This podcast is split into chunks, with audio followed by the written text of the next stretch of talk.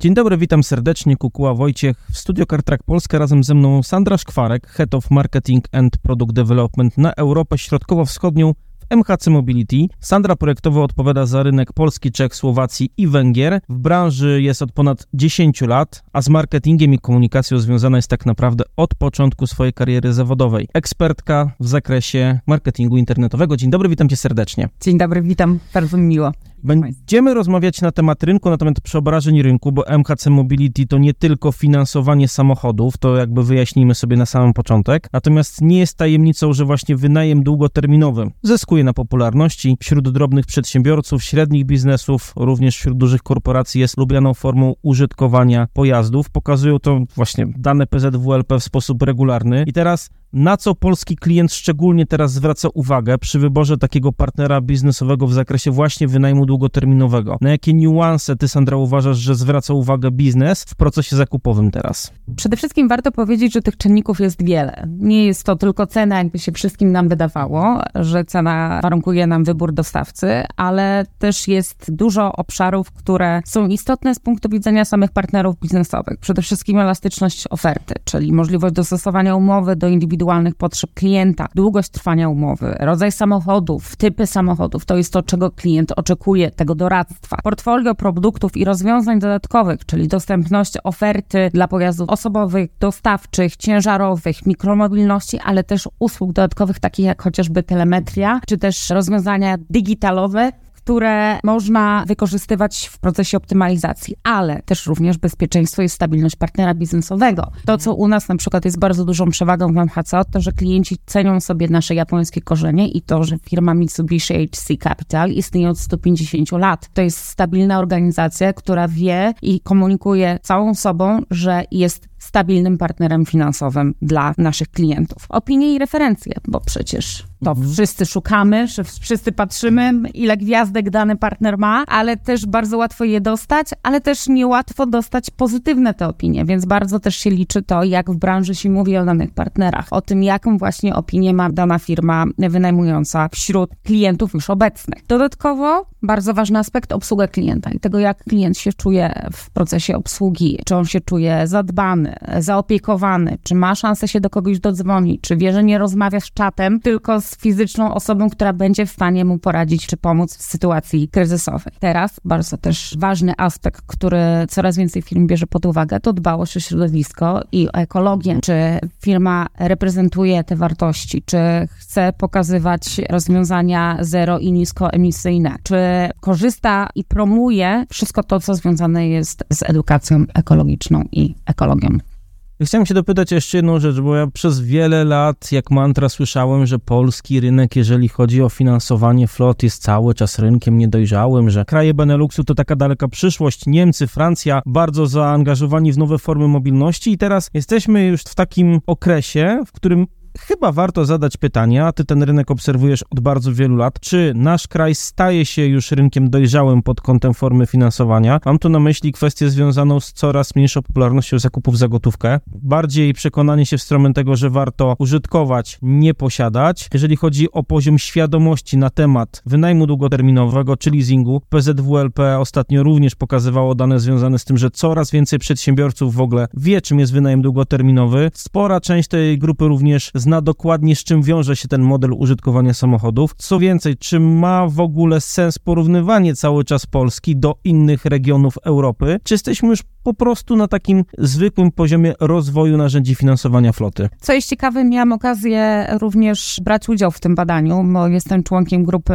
do spraw komunikacji PZWLP i razem z zespołem naszym i agencją, która przeprowadzała badanie, zastanawialiśmy się nad tym, o co zapytać i jak zapytać hmm. przedsiębiorców, żeby dowiedzieć się, jaki jest realny odbiór wynajmu długoterminowego i rzeczywiście te małe i średnie przedsiębiorstwa i wiedza o tym wzrosło bardzo dużo z tej znajomości właśnie wynajmu długoterminowego, ale przede wszystkim wiemy, ile Polska przeszła w ostatnich trzech dekadach, ile zmian takich mentalnych, jak również ekonomicznych, socjologicznych e, Polska przeszła i też zmieniają się te sposoby myślenia i podejmowania decyzji. Co miało wpływ? Przede wszystkim rozwój rynku finansowego i przepływ kapitału zagranicznego, który pokazał, że są inne formy finansowania niż tylko za gotówkę, że jest taka forma jak leasing, jest coś takiego jak wynajem i to daje otwartość wyboru i pokazywania, że są możliwości. Zmiana samych postaw konsumenckich. My kiedyś myśleliśmy, że posiadanie jest warunkiem, że trzeba coś mieć, żeby myśleć, że możemy to wykorzystywać, że później się z tego zarobi albo się zaoszczędzi. Teraz już tego nie ma. Już bardziej wchodzimy w tą formę wynajmu, bo wiemy, że to się bardziej nawet nam opłaca. I te zmiany bardzo pozytywnie też wpływają na samą rozwój branży wynajmu. Ale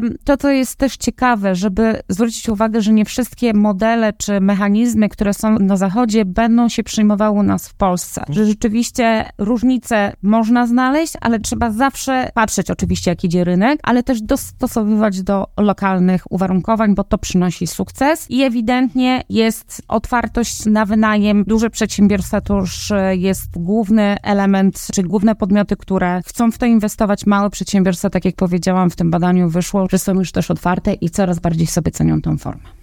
Powoływaliśmy się niejednokrotnie na właśnie, tak jak wspomniałeś, badania PZWRP, przy których uczestniczyłaś. Natomiast twórcą wartościowych raportów jest też MHC Mobility. I choćby rozwój elektromobilności oczami polskich przedsiębiorców to właśnie raport, który powstał na bazie testu aut elektrycznych i hybrydowych waszych klientów. I to, co myślę warto powiedzieć, to jaka była formuła zbierania danych, przede wszystkim jakie wnioski płyną z całego tego raportu, bo to pewnie najważniejsze. Dziękuję, że zadałeś to pytanie. Teraz aktualnie jesteśmy w procesie tworzenia czwartej już edycji tego testu i będziemy również zbierać dane po tym teście. Mamy wyselekcjonowanych partnerów, klientów, którzy będą mieli okazję wziąć udział w tym teście, co jest bardzo ważne. Sam raport powstaje na podstawie ankiety internetowej, którą wysyłamy naszym klientom, którzy biorą udział w teście. Po testowaniu dłuższym niż jeden, nawet dwa dni samochodu mhm. elektrycznego bądź też hybrydy, ale typu plug-in. To jest też bardzo ważne, że staramy się, żeby to nie były zwykłe hybrydy, ale jednak te rozwiązania niskoemisyjne. Po testowaniu takim dłuższym klient wypełnia ankietę, ona jest dość szczegółowa, w której opisuje swoje wrażenia i swoje doświadczenia z okresu tego testu. To, co jest bardzo ważne, jedną z najważniejszych chyba wniosków, jakie są z tego raportu, że 100% uczestników testu planuje przejść na elektromobilność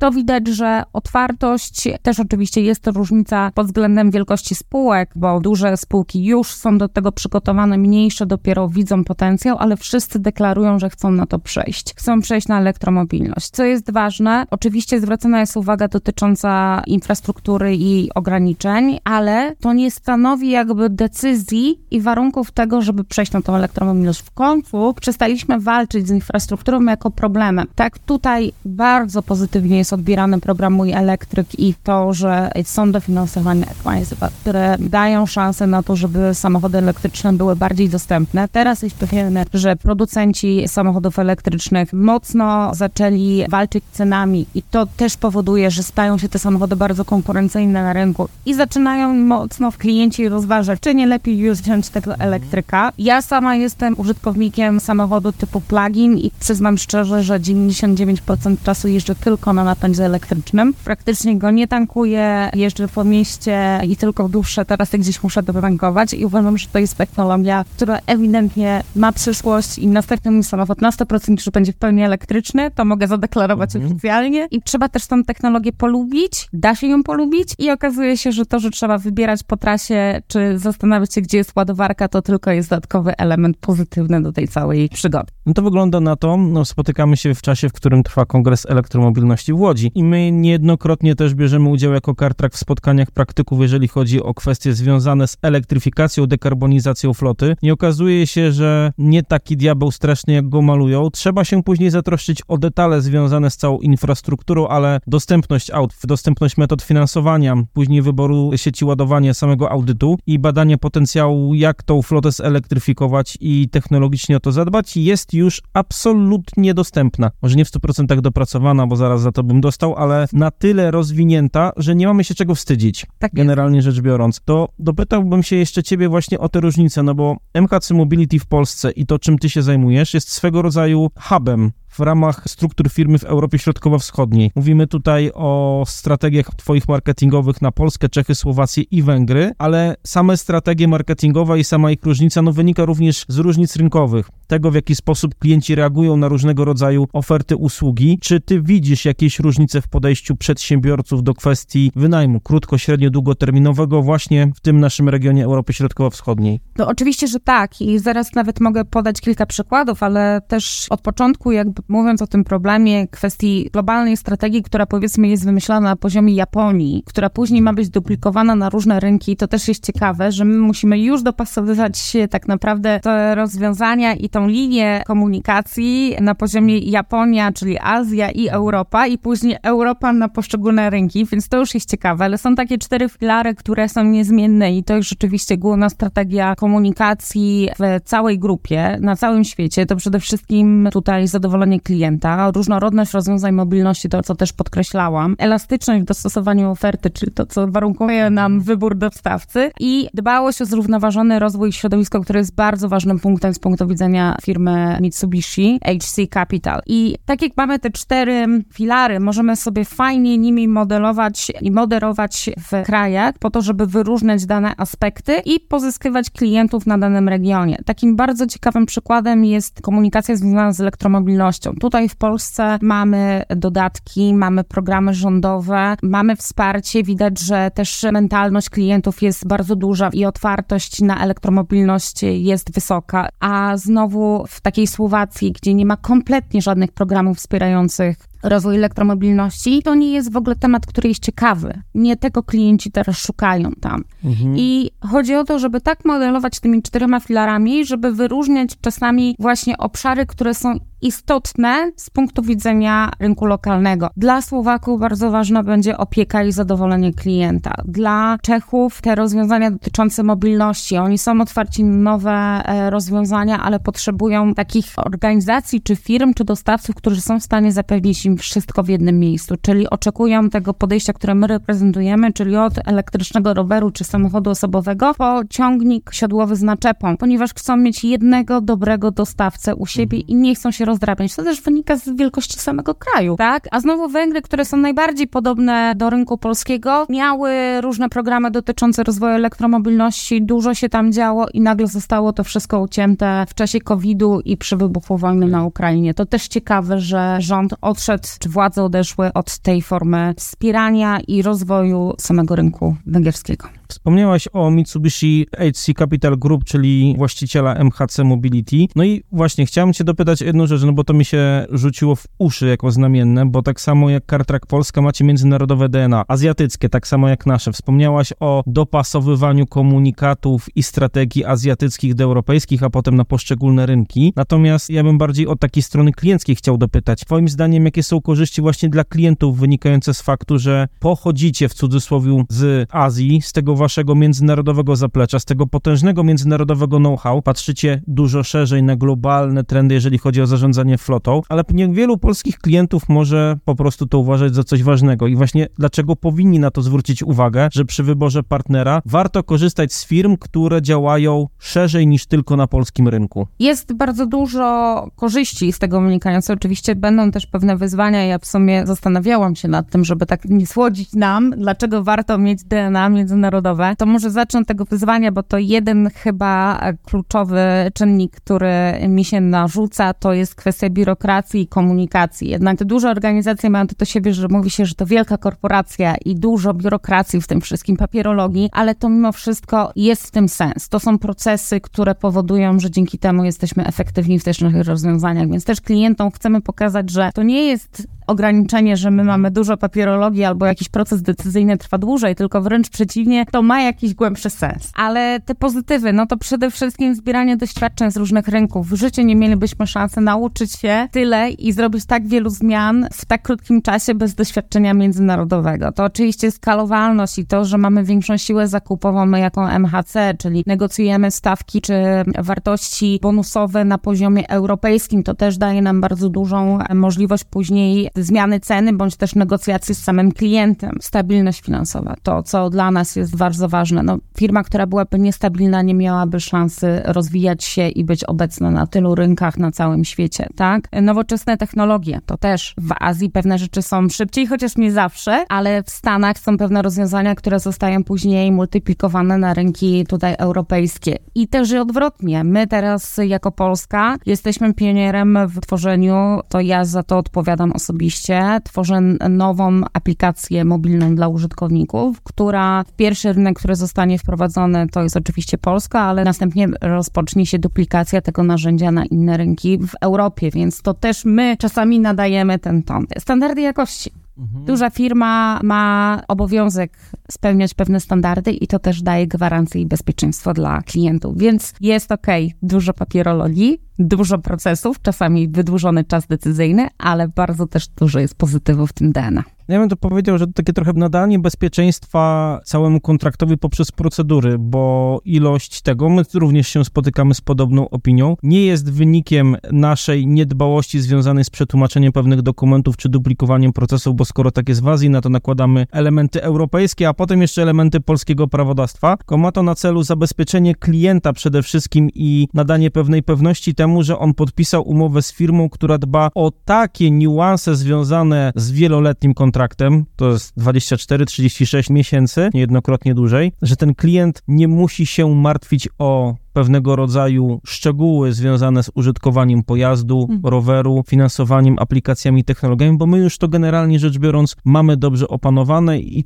to jest niezaprzeczalna przewaga firm z międzynarodowym DNA. Ja bym cię chciał zapytać jeszcze o trendy właśnie związane ze sferą flotową, bo skoro właśnie Polska w MHC Mobility między innymi też nadaje ton choćby przez tą aplikację, którą wspomniałaś, to właśnie jak ty byś postrzegała trendy w sferze flotowej na kolejne lata? U nas zwracamy uwagę szczególną na rolę policzarnej redukcji emisji CO2, czy w ogóle takiego realnego obliczenia śladu węglowego floty przedsiębiorstwa. Bardzo duży nacisk widzimy cały czas na kwestię związaną z bezpieczeństwem kierowców szeroko pojętym i znaczący wzrost kwestii związanych z automatyzacją procesów. Już drastyczne odchodzenie od tych wszystkich Exceli, czegokolwiek pisanego na rzecz kumulowania i zarządzania poprzez dane. Czy ty byś potwierdziła ewentualnie to lub coś jeszcze do tego dodała? Jak najbardziej to, co wymieniłeś, te aspekty to są kluczowe dla przyszłości floty i zarządzania flotą. Niewątpliwie mają wpływ na to, jak będziemy za chwilę postrzegać floty, jak je budować i jak nimi zarządzać, ale też są takie dodatkowe elementy, które myślę, że z punktu widzenia Kartraka i nas są ważne, bo to też same szeroko pojęte technologie telemetryczne i całe tak zwane zarządzanie big data. To staje się teraz bardzo ważnym aspektem. Fajnie, bo Mm, flotowcy zaczynają rozumieć sens tych danych i zaczynają fajne wnioski z tego wyciągać, ale też nasza rola jest w tym Kartraka i MHC, żeby pokazywać, jak te wartości rzeczywiście można interpretować i co one mogą nam pokazać, jak możemy zoptymalizować funkcjonowanie floty. Bardzo dużym też trendem jest sama elektryfikacja floty i coraz więcej firm inwestuje oczywiście w pojazdy elektryczne, w infrastrukturę. To jest też element, w którym będziemy szli, ale połączenie pojazdów, to, że te pojazdy zaczynają zaczynają być inteligentne, można powiedzieć, zaczynają się rozumieć. Ostatnio miałam okazję słuchać o tym, jak samochody rozumieją się z ładowarkami, co jest niesamowite, bo to pokazuje, jak szybko technologia się rozwija w tym obszarze. Ale oczywiście Mobility as a Service, czyli samo rozwiązanie mas. U nas w organizacji w MHC stworzyliśmy też aplikację, ona jest pełni autorska, nasza, stworzona tutaj na potrzeby rynku polskiego, tak zwanego car sharingu, ale w ramach floty, który powoduje, że też możemy sobie optymalizować te koszty właśnie w ramach swojej floty firmowej. No i szeroko pojęte zrównoważone zarządzanie flotą, bo oprócz emisji CO2 chodzi o zrównoważoność nawet materiałów, z których samochody są wykonane. Że na to zaczynają zwracać uwagę klienci i powiedzmy najnowszy model Volvo, który w środku jest wykonany z elementów z recyklingu jest bardzo ciekawy też z punktu widzenia zakupowego dla klientów, bo to mhm. reprezentuje ideę i wizję ich podejścia do zrównoważonego rozwoju. To na koniec chciałem Ci jeszcze Sandra zapytać jedną rzecz, bo nie można powiedzieć, że jak jakiś okres jest nieciekawy. Natomiast na tyle interesującym miejscu, w którym jest MHC Mobility w Europie, doszło do Was do pewnych zmian w strukturach. Powiedz, co się zmieniło i co to niesie finalnie dla rynku, no i w konsekwencji dla klientów. Rzeczywiście jesteśmy w dość intensywnym momencie, w którym się spotykamy, ale jest to moment naszego spotkania bardzo ciekawy. Od 4 września mamy nowego zarządzającego dyrektora regionem CEE, pana Rolfa Hansmana. Rolof to naprawdę bardzo doświadczony menadżer, wiele lat pracował w Lisplanie, między innymi na Węgrzech, w Niemczech, w Szwecji. Ostatnio w Volvo fabryce tworzył cały projekt sprzedaży bezpośredniej samochodów Volvo przez internet, więc ogromne doświadczenie rozwiązanie też zgodne z moimi korzeniami, czyli tym rozwiązaniem online'owym i digitalowym, więc fajnie się w tym obszarze też bardzo rozumiemy. Człowiek bardzo dynamiczny z pomysłami, a również z takim doświadczeniem korporacyjnym, który gwarantuje tą stabilność też decyzyjności i podejmowania decyzji. To, co jest bardzo ważne, my mieliśmy kilka zawirowań w przeciągu tego roku, a Roloff jest takim symbolem stabilizacji, tego, że organizacja, oczywiście Japonia, jak i UK, które odpowiada za region Europy, bardzo chcą inwestować w rynek w regionie e, Europy Centralno-Wschodniej, chcą rozwijać bez żadnych wątpliwości. Są plany na dalsze pozyskiwanie dalszych partnerów, akwizycję nowych podmiotów na rynku, na rozwój i wspieranie tak naprawdę rozwiązań, które mają szansę oczywiście poszerzać też nasze portfolio, zwiększać ilością zarządzanych samochodów, ale też poprawiać jakość obsługi i zadowolenia klienta. Super, niezmiernie miło było Cię gościć i wysłuchać, jaką macie wizję, ale jednocześnie bardzo sprecyzowaną analitykę rynku, związaną z tym, jak wsłuchujecie się w potrzeby klienta, jak monitorujesz ty i zespoły rynek, biorąc pod uwagę to, o czym mówiłaś, jak zmieniają się trendy, bo klient, to co ty pewnie też zaznaczyłaś, ma mieć pewność, działając z takimi partnerami jak MHC Mobility, że kupuje know-how, nie tylko procedury, usługi i tak dalej, ale działa z ekspertami, że za całą tą aplikacją, za całym systemem, za całą papierologią stoi człowiek, mądry człowiek. I teraz z drugiej strony, dzięki temu, co ty powiedziałaś, klienci zyskują przeświadczenie, że oprócz tego, że jest to globalny, stabilny gracz, to również jest to gracz, który jest zarządzany przez sobie mądre. Ta zmiana, która u was przyszła, jest pewnym rodzajem stabilizacji i to też pokazuje, że to jest transformacja rynku CFM w Polsce w bardzo ciekawym kierunku. Bardzo serdecznie Ci dziękuję. Dziękuję również, to była przyjemność.